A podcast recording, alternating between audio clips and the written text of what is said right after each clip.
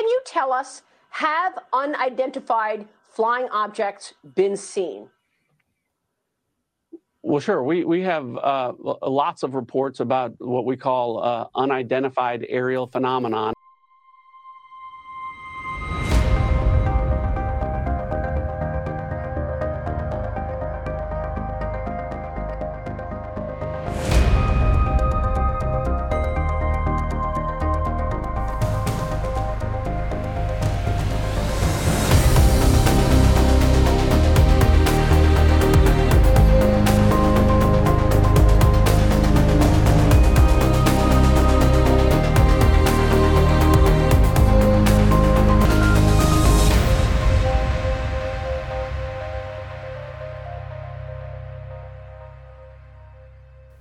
Välkommen till UFO bortom rimligt tvivel.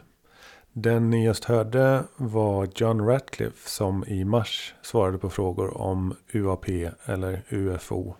Han var eh, Director of National Intelligence och han har efterträtts av en kvinna som heter Avril Haines som vi ska lyssna på om en liten stund. Hej Peder! Hej Thomas! Du... Um, jag tänkte överraska dig med frågesport. Vad spännande. Mm. jag gillar du frågesport. Ska, ja. Eh, du ska gissa på den äldsta, de äldsta stjärnorna i vår galax. Hur gamla de är. De äldsta stjärnorna i vår galax. Vad kan det vara? 10 miljarder år? Kan det vara det? Ja, de är nästan lika gamla som universum. De är 13,76 miljarder år. Aha. Men, eh, men... Eh, är de så pass gamla ändå, våra stjärnor, i våran galax? Kanske de är. Ja. Kanske bara vårt solsystem som är ungt. Ja. Den äldsta kallas för Metusalem. Metusalemstjärnan. Upp till 13,7 miljarder år gammal. Uh, och man brukar säga, de brukar säga att uh, de äldsta stjärnorna i vår galax är bara ett par hundra miljoner år yngre än Big Bang. Eh, Methuselah-stjärnan den eh, ligger ganska nära också. Den ligger på 200 mm. ljusår bort bara. bara. Ja, det är inte så farligt säga. bara i astronomiska mått mätt i alla fall. Du, um, en kille som heter Jeff Red han har utlovat 30 000 dollar till den som kan komma med uppgifter om att eh, Skinny Bob-videon är ja, bevis åt något håll. Att den är, eh, kan falsifiera den eller bevisa den. Oj, Skinny Bob. Jag trodde den var ganska... Den, eh, den är ju välgjord. Det är en välgjord fake eh, skulle jag nog gissa på. Faktiskt. Ja. Så. Ja, det är konstigt Men... att Jeff då, han, ehm, han köper premissen att det här eh, filtret som ligger i, i förgrunden är fake. Att eh, någon har fejkat att den ska se ut som att den är gammal. Han köper den premissen. För det, men han vill mm. ändå han vill ändå inte släppa filmen. Ja, ja, Skinny Bob är en charmig film, men är någon fake eller? Jag kan inte jo. förstå att man... Och, och så mycket pengar. Eh, det känns lite konstigt. Jag tror... Det finns ingenting som talar för den skulle vara äkta någonstans. Som jag har sett i alla fall. Nej. Och sen har det setts lite orangea cigarrformade ljus i Frankrike. Och Texas, men framförallt i Frankrike. Har du sett det eller? Eh, ja, det var en ganska bra video och verkade mm. autentisk med, med personer. Det var väl flera olika videos dessutom. Ja. Och det här ser ju som, nästan som en tic-tac eller ett risgryn som roterar, mm. stannar, åker tillbaks. Och det, var, det tycker jag var lite häftigt att man fick se eh, lite rörelse, inte bara åt ett håll utan att den mm. ändrade riktning och så. Och den, med tanke på att det var filmat från fler, flera olika vinklar, flera olika källor och med ett stort antal vittnen dessutom. Så. Ja, just det. Sen var det väl det här med Lou Ellison också. Att han hoppar av alla mm. sina officiella uppdrag och intervjuer. Han hade ställt in någon intervju. Mm. Och då gick hela ufo-twitter i taket kan man säga. Och eh, trodde att han var sjuk eller tystad eller något hade hänt. Men han eh, gjorde ett uttalande ganska fort och sa att han mådde alldeles utmärkt. Men att han har backat lite inför kommande processer eller vad man ska säga. Någonting verkar vara på gång. Så han eh, mm. Håller sig i bakgrunden. Det var inte sjukdom alltså? Nej, det var inte sjukdom eller någonting sånt. Utan eh, han sa så här att det är alltid lugnast som före stormen. Ja, han har ju verkligen eh, börjat eh, säga mer och mer kontroversiella saker, ta upp mer och mer kontroversiella ämnen. Ja, verkligen, verkligen. Eh, och det börjar ju mer och mer uteslutas att det är någonting annat än icke-mänsklig intelligens vi pratar om. Icke-mänsklig intelligens pratades det också om på Our Future in Space. Ett evenemang som hölls förra onsdagen i Washington National Cathedral. My name's Randy Hollerith, and I am the Dean of Washington National Cathedral. And on behalf of Marianne Buddy, the Bishop of the Diocese of Washington, and all of us who serve this cathedral, welcome. But more importantly, it seems especially appropriate to me that we should be holding this conversation here in this cathedral. After all, we have an extraterrestrial treasure that is built right into the fabric of this building. As one of our panelists for tonight's conversation, Dr. Wilkinson, so eloquent, eloquently wrote in his book, in Washington National Cathedral, the stained glass space window features a moon rock returned to Earth by the crew of Apollo 11. This 3.6 billion year old rock is encased in an airtight nitrogen filled capsule in the window, which features stars and orbiting planets. Armstrong, Aldrin, and Collins delivered this seven gram sample from the lunar Sea of Tranquility during a ceremony here at the cathedral on July 21st, 1974. Avril Haines, who's here with me, is the Director of National Intelligence, overseeing the CIA, FBI, National Reconnaissance uh, Organization, and all the 18 agencies under her wing. We're still exploring and we're trying to understand what this domain can be for the future for us. And I think that's a, as we're you know, developing, not only are we focused on life on Earth, but we're also seeing how, frankly, life on Earth is developing in space. And we're recognizing that it is going pretty quickly this decade, and I think we're going to see a lot of changes in the future. So we'll come back to the specifics of, of your uh, involvement in space with a very particular report that you authored. But I want to uh, ask Matt to roll the second uh, question that we put to Senator Nelson.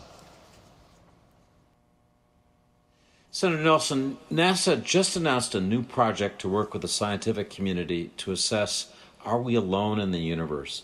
What do you hope to accomplish? Well, I've asked our uh, science mission director to propose a uh, series of uh, scientific goals as we look out for life uh, in this universe. Uh, first of all, we're looking for life right now. Uh, that's why we have a probe on Mars. It's a big rover. It's as big as a Range Rover.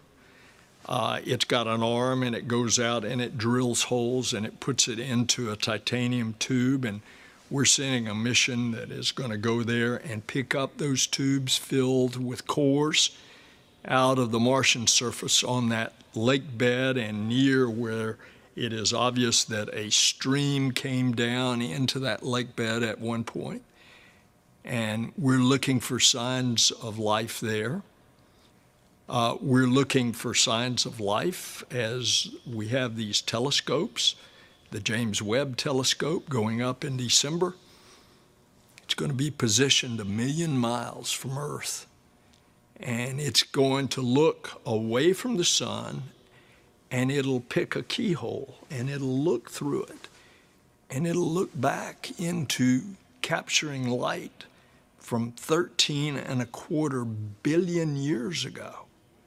That's almost to the time, 250 million years after the Big Bang. And we're going to see what we discover as it picks another keyhole and looks in there and trying to see planets in our galaxy, but maybe other galaxies that have a sun, and suddenly there's a dark spot moving across that sun, which would indicate a planet. And then we're going to try to get the chemical composition. So, do I think there's life out there? Yes.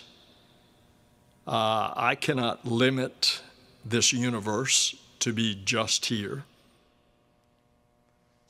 So, uh, DNI Haines, on this topic of, of life out there, you issued an extraordinary preliminary assessment in June on unidentified aerial phenomena, is the new term of art. To summarize that report, you studied 144 reports from US government sources. 80 had multiple sensors that had made the identifications. In 18 of these instances, uh, observers, I'm quoting, reported unusual UAP flight characteristics. You sorted these into five different bins. The last call just other. I want to ask you to share with the audience your takeaway after the completion of, of that report and what your own view is as you look at the evidence. Yeah, I mean, I think the bottom line is that we don't understand everything that we're seeing, and that's probably not surprising to anybody in many respects. But it is, it was a report that really, Congress asked us to produce a report that assessed what we saw as the threat, essentially, from unidentified aerial phenomena, and uh, what our sort of best understanding was of the different reports that we had identified. And it stretched over from, I think, 2004 through to 2021 the different reports that you identified, that you indicated 144 of them. And we had different categories, as you said. So one of them was airborne clutter, another was natural, uh, you know, phenomenon. Uh, another was um, foreign adversaries. Fourth one was uh, related to sort of U.S. government or industry developmental programs, and then the fifth one was other. And that basically indicated that we were pretty sure we weren't going to be able to characterize every single one of these reports in the various categories that we'd identified because, frankly, we were not able to understand everything about it. And a large portion of that is based on the fact that we don't have a consistent way of reporting this information. We need to integrate, frankly, a lot of data that we get. We need to get better at collecting information that's useful to us from different sensors that are available to us. And we have to deepen our analysis in these areas. And that's something that, you know, frankly, probably also doesn't surprise you in the sense that that's how we typically approach our intelligence work. And the main issues that Congress and others have been concerned about are basically safety of flight concerns and counterintelligence issues. But of course, there's always the question of is there something else that we simply do not understand that might come extraterrestrially? Let me just ask a, a, a follow up question. I'd love to hear your comments about what the tradecraft of UAP detection is. How we'll know what we know. How would we know if we were being observed, for example? That's, I find, a question people pose to me often uh, in, the, in the weeks before this, this session. What, what is the tradecraft?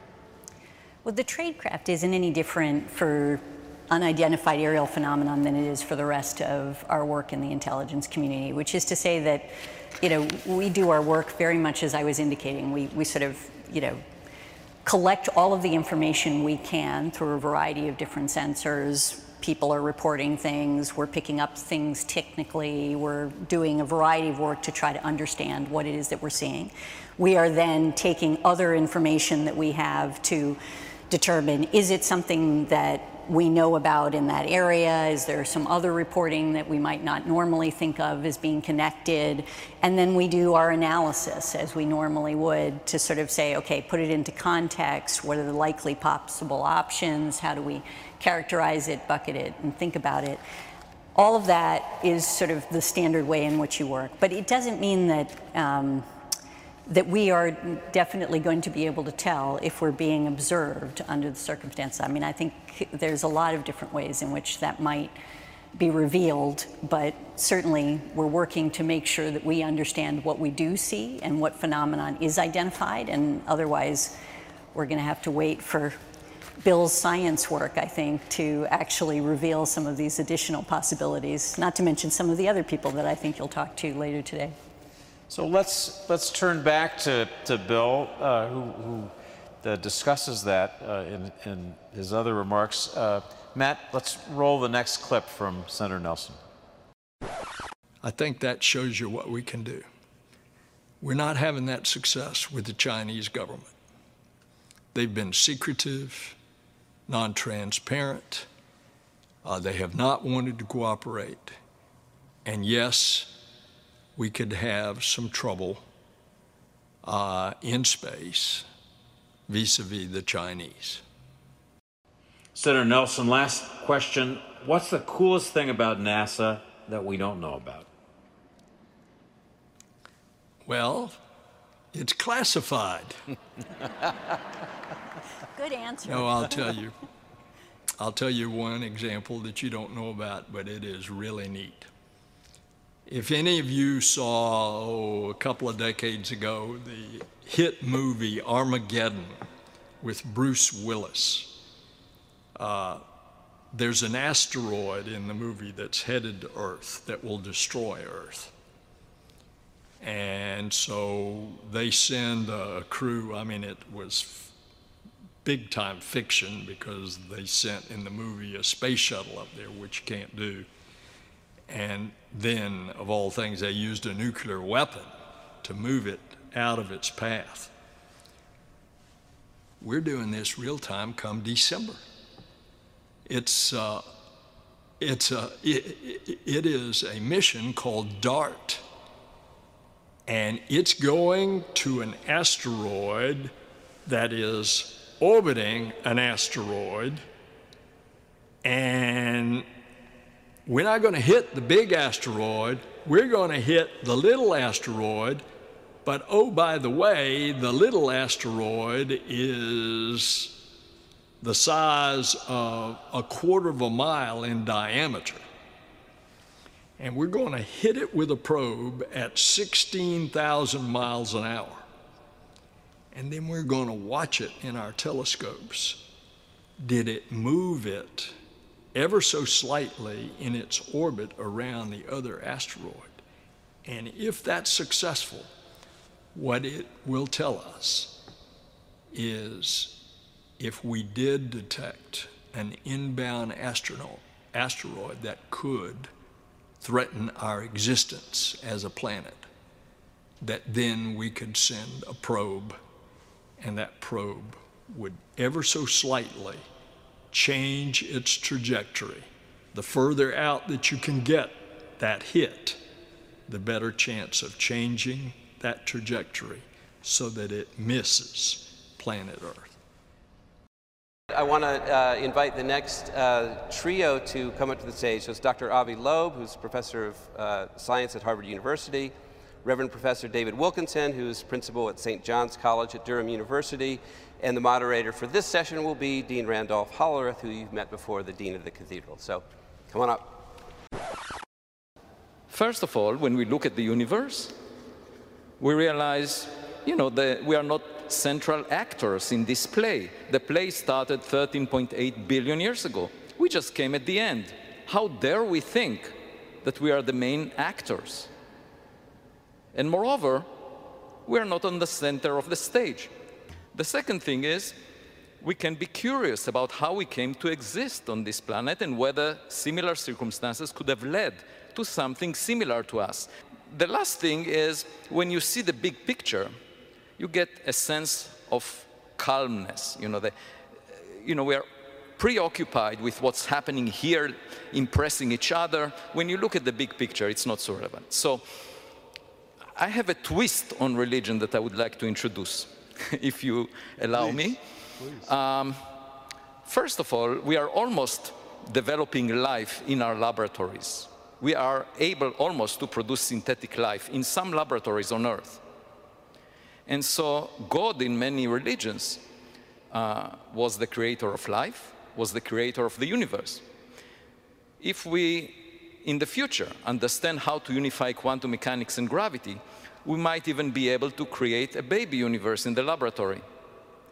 So my point is simple. An advanced scientific civilization could be an approximation to what we called God. And the second point is religions argue that humans were created in the image of God. Well, I would argue that we are now developing artificial intelligence systems that are in our image. So in the image of an advanced technological civilization, you will have AI astronauts. I don't think we should send people to space. We were selected by Darwinian evolution to survive on the surface of this rock. And in space, there are many hazardous conditions. We should be proud of our technological kids, these AI systems that drive cars right now, and in the future, they could be astronauts. So instead of sending millions of people to space and endangering their health, we should send our kids, technological kids, AI systems into space.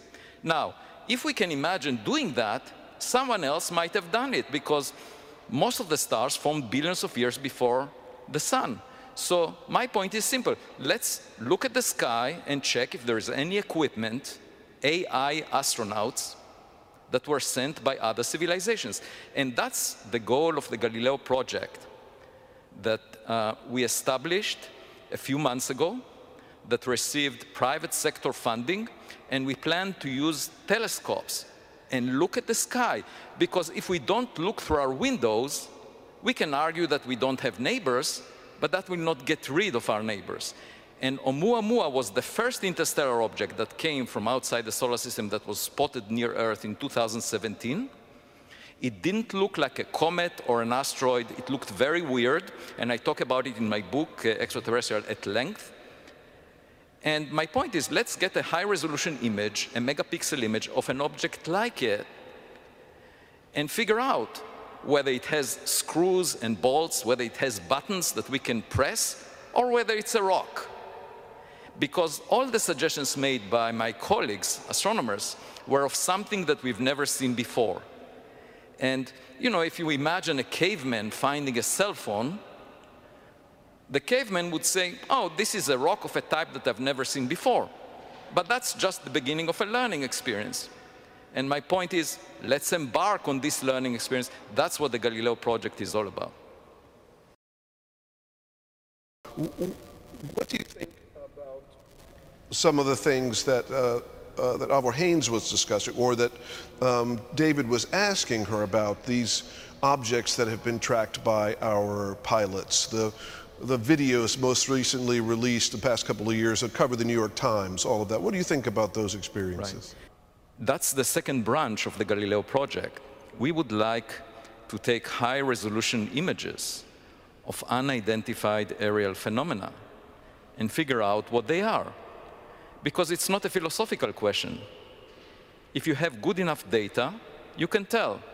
And if we read off the label with a large enough telescope, we can read off the label that says made in China, made in Russia, we will gladly deliver the information to Avril.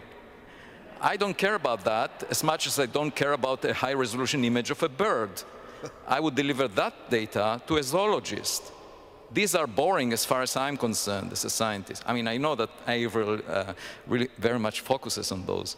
But for us, something unusual would be intriguing. And, you know, it's a fishing expedition. If we find only sardines, so be it. So, three questions for both of you, very straightforward. I think I know the answers to a couple of them for each of you. One, do you think we will discover life in the universe, just basic life in the universe? Two, do you think we will discover intelligent life in the universe? And three, are we being visited now by intelligent life? So let, let me go back to two things that happened 70 years ago. One of them is the famous physicist Enrico Fermi had lunch at Los Alamos with colleagues. And they discussed extraterrestrial life. And he said, well, if it's very natural to have life out there, where is everybody? Now, that's a very presumptuous question. It's just like sitting on the sofa at home and saying, Nobody is knocking on my door, therefore I don't have neighbors. Recorded history of humans is 10,000 years old. That's one millionth of the age of the earth. So, how dare we say we don't hear a knock on the door right now, therefore we don't have neighbors? It makes no sense whatsoever. And besides, there is this story about a fisherman that came back from sea and said, I discovered the new law of nature. All fish are bigger than two inches. So a friend of his asked him, What's the size of the holes in your fishing net? And he said, Two inches. and my point is, Fermi did not use telescopes to look at the sky. He just wanted them to show up in his front porch and communicate. The point is, suppose there are AI systems that are small. Now, the Oumuamua, this object, was the size of a football field.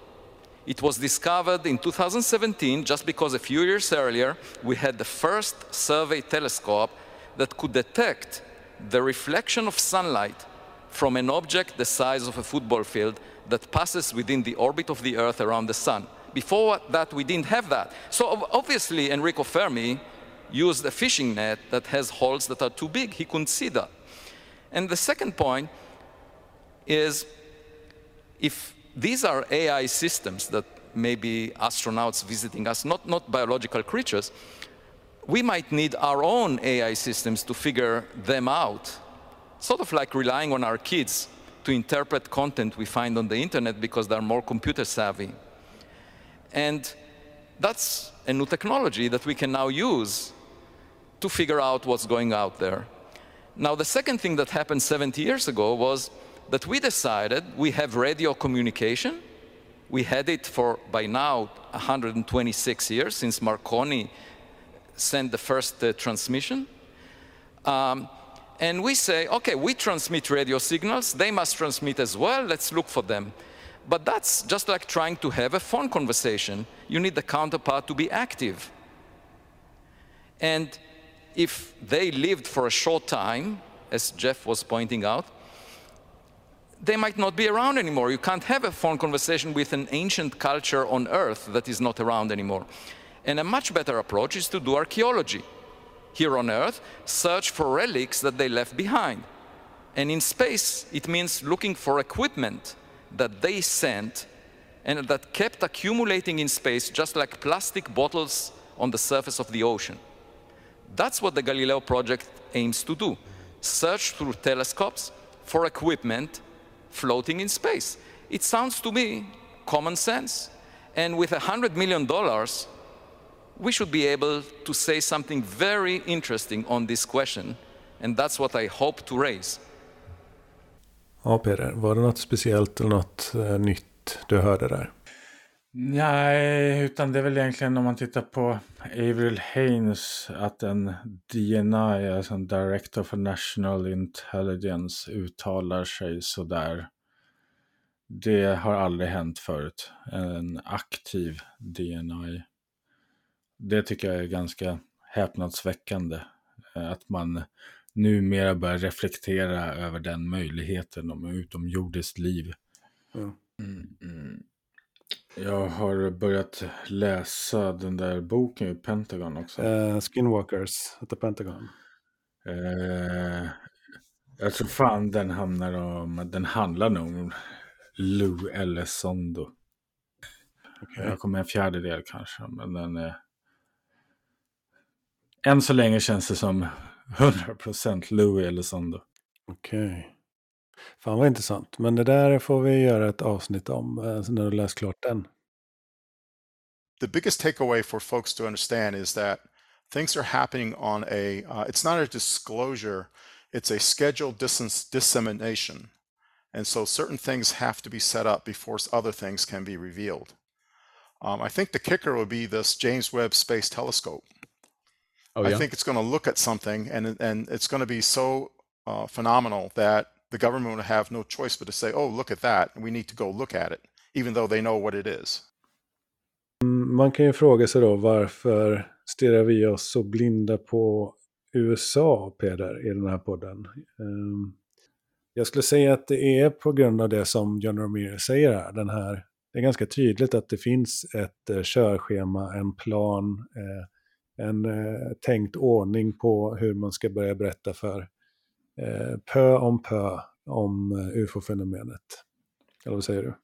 Ja, verkligen. Och det är väl lite ungefär också som eh, Robert Bigelow uttalade sig om också. Att man kan inte börja med en disclosure, det är inget event utan först har man den som en, en confirmation, ja de är äkta. Och så tar man det steg för steg därifrån för att anpassa, eh, anpassa budskapet och kunskapen och, och faktan till folket så att det inte blir kanske en, en tough pill to swallow. För, för många människor tror jag ändå att det kommer bli det ändå. Liksom. Att vi inte är ensamma.